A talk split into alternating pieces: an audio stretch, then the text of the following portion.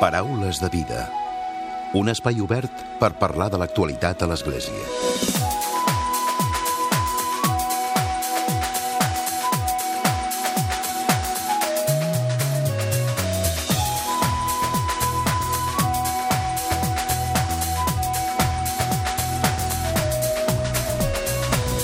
Què tal? Salutacions i molt bon dia, molt bon diumenge. Avui parlarem de la tasca social que fa el Col·legi Viaró de Sant Cugat a través de diferents accions de sensibilització i solidaritat que de manera permanent, al llarg del curs, realitza entre tota la comunitat educativa. Ara que hem deixat enrere les festes de Nadal, és bon moment per fer balanç de la campanya de suport al programa XEP desenvolupat per Quimlea Clínic i que lluita contra la mortalitat i la malnutrició dels infants de la zona de Quimlea Kiambu, a Kènia. Amb aquesta campanya, la comunitat de Biaro ha recaptat fons per finançar beques que garanteixen l'assistència sanitària a nens i nenes d'aquesta zona propera a Nairobi durant 10 anys. Els infants incorporats al programa són atesos en la prevenció de malalties, el tractament i el reforç que inclou també menjar i roba en molts dels casos.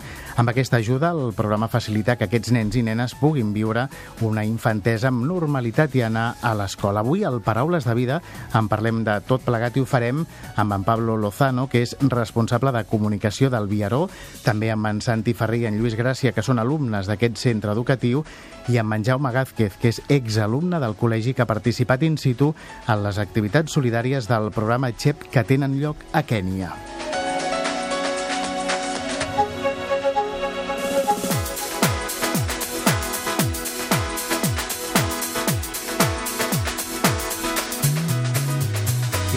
Sempre, a la recta final del Paraules arribarà un nou comentari de l'actualitat de Francesc Romeu. Comencem.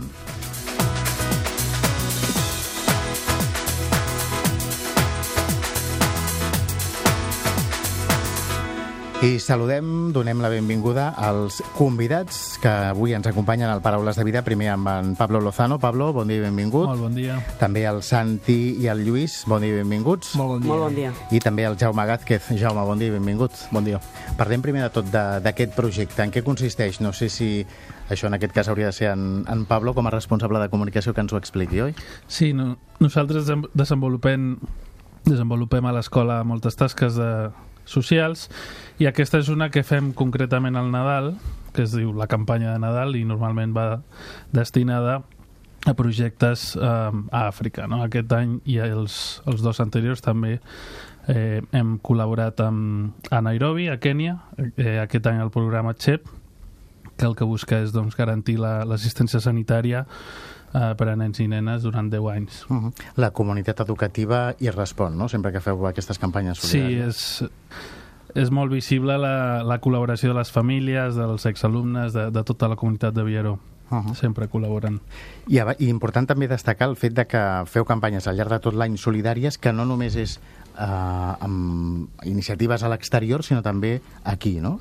Sí, al final ser solidaris és ajudar el qui tenim al costat també i doncs fem moltes tasques no només de recollida de diners sinó també d'aliments per a eh, Càritas Sant Cugat, per Acció Social Montalegre, però també anem a residències de, a llars d'avis, el que tenim al costat i tot el que podem fer per ajudar, doncs ho fem. Mm. Pablo, per tant, el balanç del que ha estat la campanya de Nadal, positiu, no? Bo? Sí, molt positiu, de fet. Uh -huh. No ens agrada parlar de xifres, però sí que podem dir que um, 300 beques s'han aconseguit, o sigui, Déu-n'hi-do, 300 nens i nenes van, podran eh, rebre assistència mèdica durant 10 anys. Com vau fer aquesta campanya durant el Nadal? En què consistia, bàsicament? Sí, això consisteix no només en, en que les famílies porten diners, sinó també en explicar molt bé el projecte. El, els alumnes més grans passen per les classes i, i, i ho expliquen. I també, doncs, decorem les aules, els passadissos, i, i hi ha com un ambient de motivació de- d'aconseguir doncs, quantes més beques millor per ajudar aquesta gent. Uh -huh. I en Santi i en Lluís hi han participat activament, no? Sí, el, ells participen en altres eh, campanyes també, però sí, aquesta és una campanya de tot el col·le i com ells també, sí, sí. Però sí, diguem que bàsicament hi participa tot el col·le, però la gràcia, diguem d'això és que hi participen els alumnes, no? Perquè aquesta ajuda, en aquest cas, és econòmica, doncs la gràcia és que, com ha dit el Pablo, doncs, que passen diferents alumnes per al col i t'expliquen quin és el projecte i tu com a alumne, amb el que pots o amb, els, bueno, amb el que tens, col·labores econòmicament. Uh -huh. Sí, sí, doncs ells ens animen sobretot a poder col·laborar i bueno, sobretot diria que tu reps moltíssim més del que acabes donant com a, ja sí, pues, com a persona i això, el donar els diners que calen o necessiten i bueno, això. I la importància, suposo també en aquest cas, Pablo, i també per la resta de vosaltres, el fet de que són els alumnes mateixos els que expliquen el projecte a la resta d'alumnes, no? Clar, això és el més important i, i, i sobretot que, que ho expliquen els grans als, als petits, no? els donen molt d'exemple i, i s'involucren ells, no, no hem de nosaltres anar darrere perquè ja, ja ho senten ells. I en Jaume ha participat activament, no? In situ, eh, vas participar de, del projecte. Bueno, eh, altres anys a la campanya de Nadal havia anat a, a per beques d'altres altres temes com l'educació o, o a per, bueno, persones d'educació de Kènia i l'any passat vaig tenir l'oportunitat de, per viatge a fi de curs amb, durant amb altres companys, amb uns 30 companys de Vieró anar a Kènia a ajudar l'Islands College, que és el col·legi on donàvem les beques. I allà doncs, vam estar tres setmanes ajudant, eh, anant als col·les dels slams, que són els barris més pobres de Kènia, donant classe, eh, muntant taules per lliurar-les, perquè no tenien taules de, per escriure, no tenien papers, i a més també una experiència molt enriquidora, o sigui, això de donar classes als, als nens més pobres, que bàsicament tenen un respecte absolut cap a tu, o sigui, bueno, Sí. Com us veien ells, a vosaltres? Ells ens veien, bueno, ens deien els wasungus, els que wasungus. són la gent de color de pell blanca, uh -huh. i, i realment, eh, o sigui, tu pots entrar a una classe ara de, de segon de primària, una cosa així, i els nens et miraran i no et diran res. Però allà entraves a una classe de segon de primària i tots es posaven de peu i tots et feien una reverència abans d'entrar a classe i inclús si tu, bueno, quan estaves guixant et, se trencava el guix, tots s'aixecaven, intentaven recollir guix, et demanaven perdó perquè bueno, allà tenen un respecte molt, molt maco cap a les altres persones i realment projectes així són els que quan arribes, tornes aquí a, a la teva vida normal i, i realment intentes eh, bueno, vens amb una motivació especial per intentar canviar, canviar una mica el, el món. I jo crec que aquests viatges o, bueno, és que, o sigui, no fa falta anar-se'n a Kènia per veure que hi ha pobresa però aquestes coses, aquestes accions socials que o sigui, realment Viaró ens ajuda i ens anima eh, s'haurien de portar, o, bueno, haurien de ser obligatòries per a tothom, jo crec, perquè realment si, o sigui, la motivació que vam tenir després del tornar la tingués tothom, canviaria moltes coses en el món. Clar, l'aprenentatge que més personal, no?, que, que t'emportes. Esclar, esclar, o sigui, bueno, la meva vida, la veritat és que ha canviat bastant des d'aquell viatge, en plan... T'ha marcat? T'ha marcat M'ha marcat, marcat molt, sí, sí. Mm. Et fixes en, en petites coses que dius, ostres, i aquests és que no, no, no poden i, i hi ha molta misèria allà i bueno, realment bueno, vam aportar el nostre granet de sorra però, però bueno, jo crec que des d'aquí encara es poden fer moltes més coses i és el que ens anima a Viero cada dia. Uh -huh. Lluís, i vosaltres no sé si escoltant-lo amb ell us animeu a, a participar i a fer un viatge com, com ell o no sé si l'heu fet, potser ja l'heu fet. Eh, no, o Santi. Parlo jo? sí, sí, parlo vale, perfecte Perdona. Eh, el cas, bueno, jo crec que el que té més valor és que nois de segon de batxillerat, després d'acabar un curs tan intens o tota l'etapa del col·le, bueno, sacrifiquin d'alguna manera el viatge de fi de curs, no? que és el que molta gent té al cap per, per una cosa tan maca no? i que realment marca tanta gent. Sí, sí. A Viaró portem pocs anys, bueno, porten pocs anys fent-ho, però crec que és una experiència maca i jo tinc ganes de l'any que ve poder fer-ho. Sí, sí, jo igual. Jo tinc clar que... O sigui, a més a més de poder ajudar a tanta gent necessitada, pues, te'n vas a un altre país, a una altra societat, a una altra cultura, i bueno, doncs, és una experiència única. Clar, és, el que, és el que deia en Jaume, no? que et sí. marca, no? A més, o sigui, no només hi ha el viatge, sinó hi ha tot el procés d'abans de, jo què sé, fèiem mil coses per intentar recaudar diners, no per pagar-nos el viatge, sinó per pagar el material, per les taules, o inclús per pagar beques d'allà de diferents alumnes, perquè, bueno, o sigui, per intentar surt, que surtin dels barris aquests més pobres i, i això, i, i vam organitzar tornejos de futbol i realment el col·le eh, estava molt involucrat eh, en, aquest, en aquest aspecte. Uh -huh.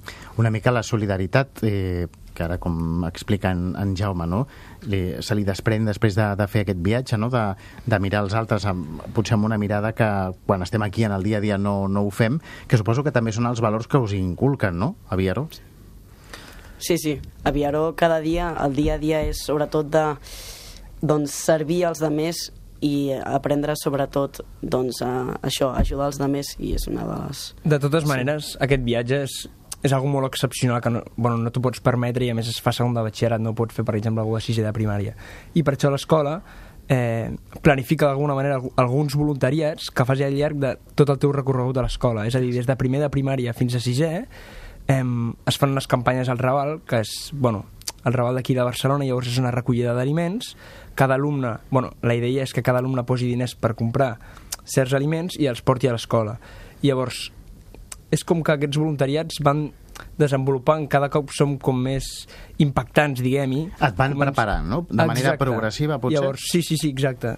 I cada cop diguem i que cada cop que et fas més gran d'alguna manera podríem explicar que fas coses com més potents, no? Per exemple, el voluntariat que fem ara en el nostre curs no el podria fer un nen de cinquè de primària, però d'alguna manera no t'has anat preparant però inconscientment sí, i llavors vas fent voluntariat al llarg del de teu recorregut a l'escola. Uh -huh. Suposo que és important, no, Pablo, el que ara destaquen ells, no? que, que estan conscienciats, que dona fruit, no?, el fet de... Sí, dona fruit perquè al final la, la missió del col·legi és, és ajudar els pares a educar i treure el millor dels seus fills perquè millorin també la societat, no? És, que, que és la missió educativa de la nostra escola i, i tot el que puguem fer perquè això doncs, sigui així, doncs ho continuarem fent. No? Uh -huh. I eh, parlava el Santi de, del que fan del que fan eh, aquest any que hi ha dos voluntariats a, a primer de batxillerat doncs que també, no sé si podeu contar alguna cosa també. Sí. sí. Bueno, hi ha dos tipus. El Santi sobretot ha anat al, a les... A l'hospital a l'hospital, sí, de Sant Joan de Déu, i jo he anat a les Calcutes a repartir menjar i bueno, és una experiència molt bonica nosaltres arribem a les 10 em sembla i anem allà i ens donen una... Bueno, ens diuen el que, el que hem de fer i per exemple a mi em va tocar doncs, anar a repartir el menjar que ja havien estat preparant des de una des de les 6, em sembla, la, les monges i això, i bueno, doncs vam estar preparant el menjar, això, després per poder servir-lo a la gent que ho necessita moltíssim, i allà te n'adones i sí que... O sigui, et marca i jo tinc ganes de tornar-hi, la veritat. Sí, uh -huh. sí. Doncs jo, bueno, la meva experiència de voluntariat és a Sant Joan de Déu, com bé ha dit en Lluís, i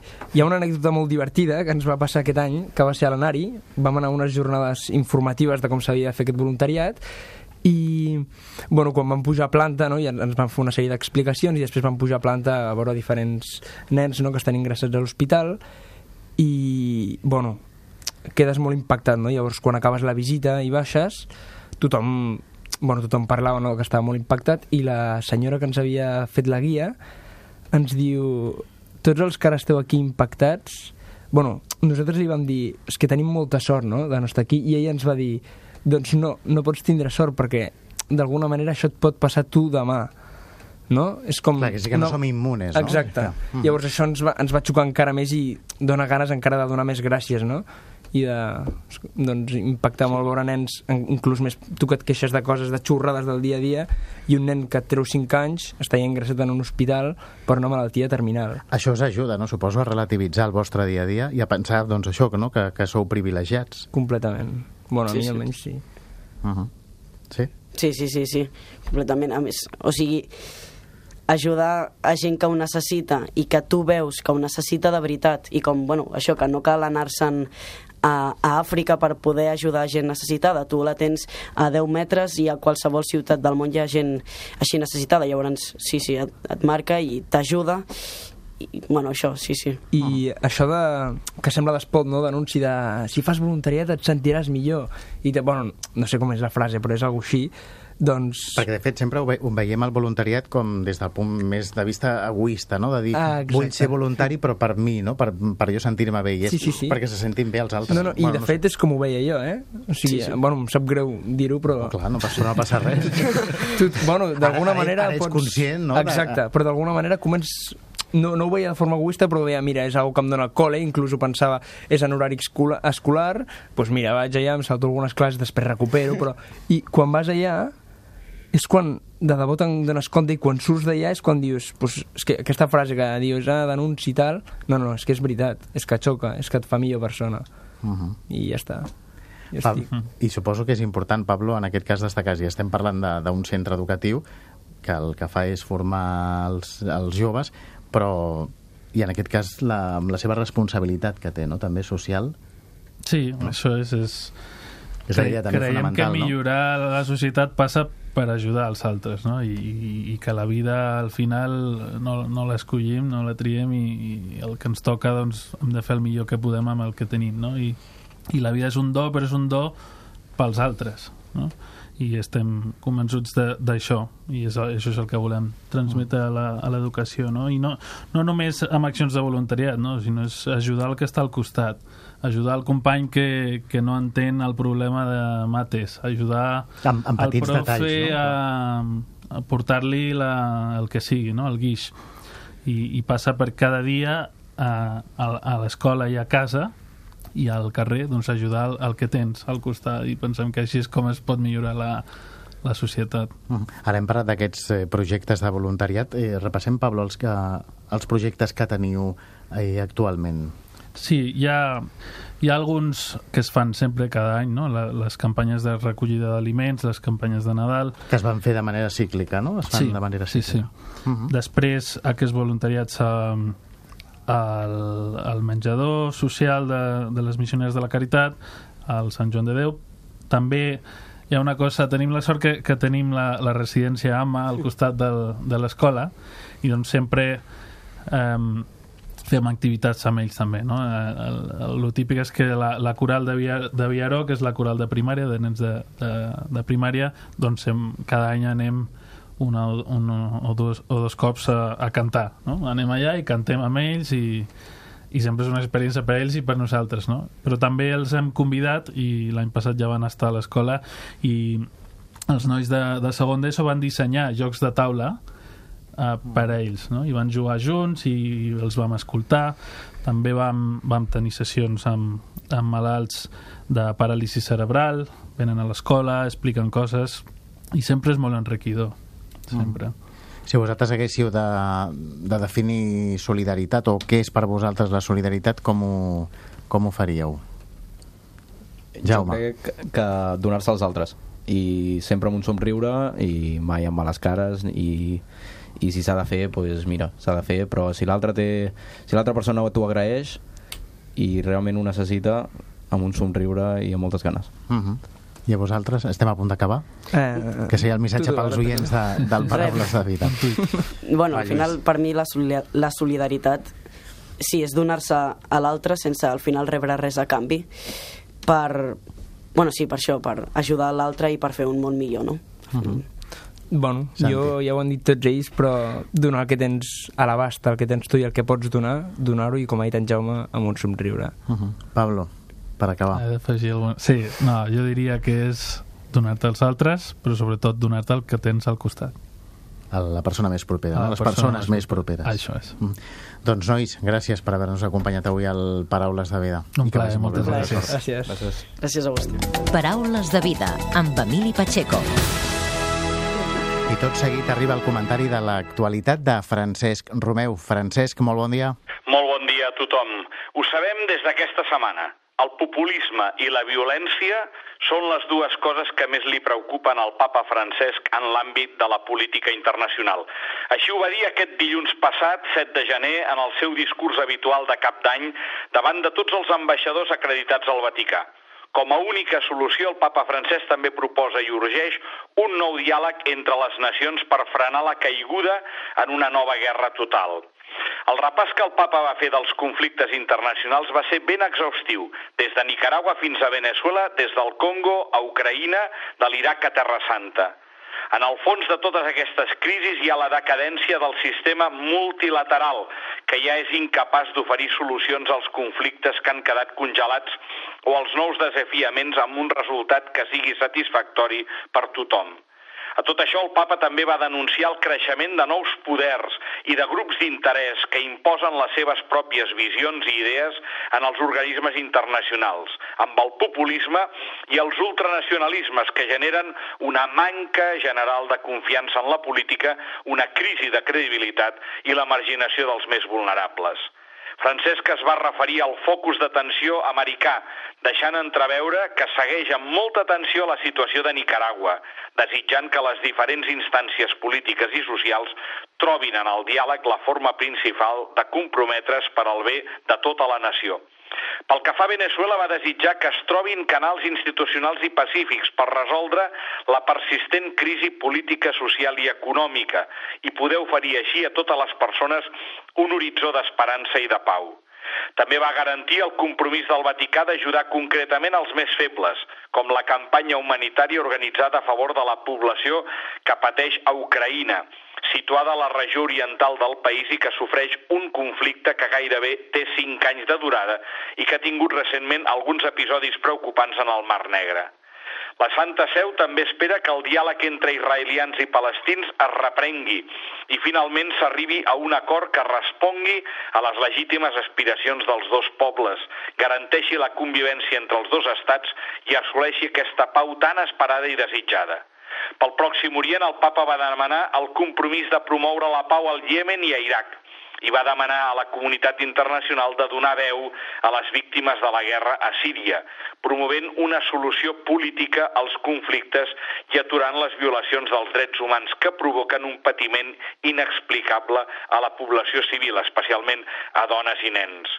Favorablement, va reconèixer els avenços a la península de Corea, on va assenyalar que es busquen solucions compartides i estables. També va lluar l'acord per reforçar les relacions diplomàtiques entre el Vaticà i el Vietnam, on ben aviat s'inomenarà un representant pontifici. Va destacar els acords entre Etiòpia i Eritrea, a Sudan del Sud i altres signes d'esperança que s'entreveuen a l'Àfrica. Tot i mostrar-se preocupat per la situació a la República Democràtica del Congo, on va demanar respecte pel resultat de les darreres eleccions, com un factor determinant per a una pau sostenible. Es va mostrar també molt proper amb les víctimes de la violència fonamentalista a Mali, Níger, Nigèria, així com les persistents tensions internes al Camerún, on potser sí es va aturar més va ser en el recent acord provisional aconseguit entre la Santa Seu i la República Popular de Xina pel que fa al nomenament de bisbes en aquest país asiàtic, signat el passat 22 de setembre, fruit d'un llarg i reflexionat diàleg institucional.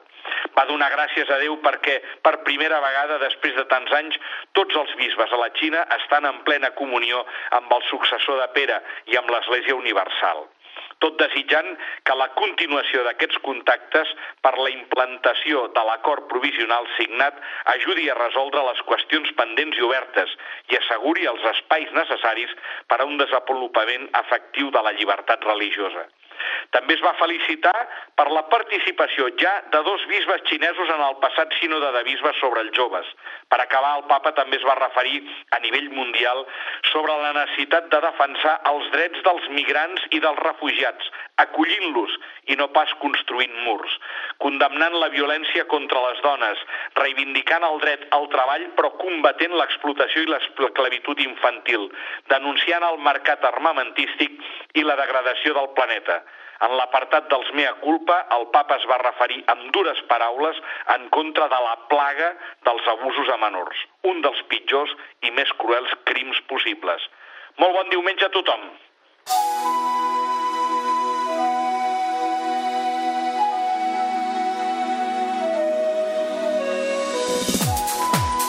Fins aquí el Paraules de Vida d'aquesta setmana d'aquest diumenge. En Ricard Portal ha estat el control tècnic i qui us ha parlat l'Emili Pacheco. Que passeu bon diumenge i una molt bona setmana. Us oferim la carta dominical de l'arcabisbe de Barcelona, Joan Josep Omella. Déu vos guard. Fa uns dies vaig llegir un document dels bisbes belgues que em va cridar molt l'atenció, ja que parlaven del somni de Déu per a la humanitat. Crec que compartir amb vosaltres el seu missatge ens pot ajudar a viure l'eix de la fraternitat, que és l'objectiu de la nostra arxidiòcesi per enguany. Mireu el que diuen els germans bisbes. En els nostres dies, haver de conviure amb un gran nombre de gent se sent cada vegada més com una càrrega. Vivim molt a prop els uns dels altres. Hi ha quantitat de lleis i reglamentacions que miren de regular les relacions interpersonals. A més, aquestes persones són sovint molt diferents de nosaltres. Molt aviat ja no hi haurà al món un lloc que sigui homogeni quant a raça, color, llengua o religió. I llavors se sent dir, doncs deixeu-me que m'ocupi de mi mateix i del meu petit món. I tanmateix, viure en comunió amb molts altres, fins i tot diferents, és el primer somni de Déu per a la humanitat. El paradís era l'àmbit per excel·lència de la coexistència. Els éssers humans, les plantes, els animals i tot el cosmos. Es posaven noms per poder-se conèixer i per poder-se interpel·lar mútuament. Llavors regnava la pau, la serenitat i l'alegria. La vida en comú amb els altres no era una càrrega, sinó una gràcia. Això diuen els bisbes. Per què ens costa la convivència? Per què ens costa la fraternitat? Pot ser perquè hem oblidat que la fraternitat suposa sempre una paternitat potser hem volgut viure una fraternitat òrfena. L'absència d'un mateix pare fa que ens costi molt més acceptar les diferències de l'altre i som tentats de viure en l'autoreferencialitat. Deixeu-me que m'ocupi de mi mateix i del meu petit món, diem. La fraternitat és un do que Déu Pare vol regalar a cada un dels seus fills no és una conquesta o un mèrit per ser bones persones, és un do que respon a un gran desig que Jesucrist demana al Pare, que tots siguin un com tu, Pare, estàs en mi i jo en tu. Ara bé, fixem-nos que no és un desig capritxós de Déu. Nosaltres necessitem la fraternitat, necessitem la companyia per viure, per conèixer-nos a nosaltres mateixos, per afrontar les dificultats, per prendre decisions, per celebrar la vida. La fraternitat és un do i alhora una necessitat. Ens demana l'esforç d'intentar mirar l'altre no des de la sospita, sinó buscant reconèixer la presència del Senyor. Viure la fraternitat com a actitud de conversió pastoral no és només perquè puguem ser millors cristians o viure amb més pau i alegria, sinó que està al servei de l'evangelització, perquè el món cregui que tu m'has enviat. No hi ha millor anunci de l'Evangeli que una comunitat que se sent estimada pel Senyor, que s'estima i estima. Benvolguts germans i germanes, la fraternitat no es vindrà per una xarxa de normes i decrets, com apuntaven els bisbes belgues, Demanem al Pare el do de la fraternitat perquè puguem viure el somni de Déu i anunciar un regne de pau, serenitat i goig. Us hem ofert la carta dominical de l'arcabisbe de Barcelona, Joan Josep Omella.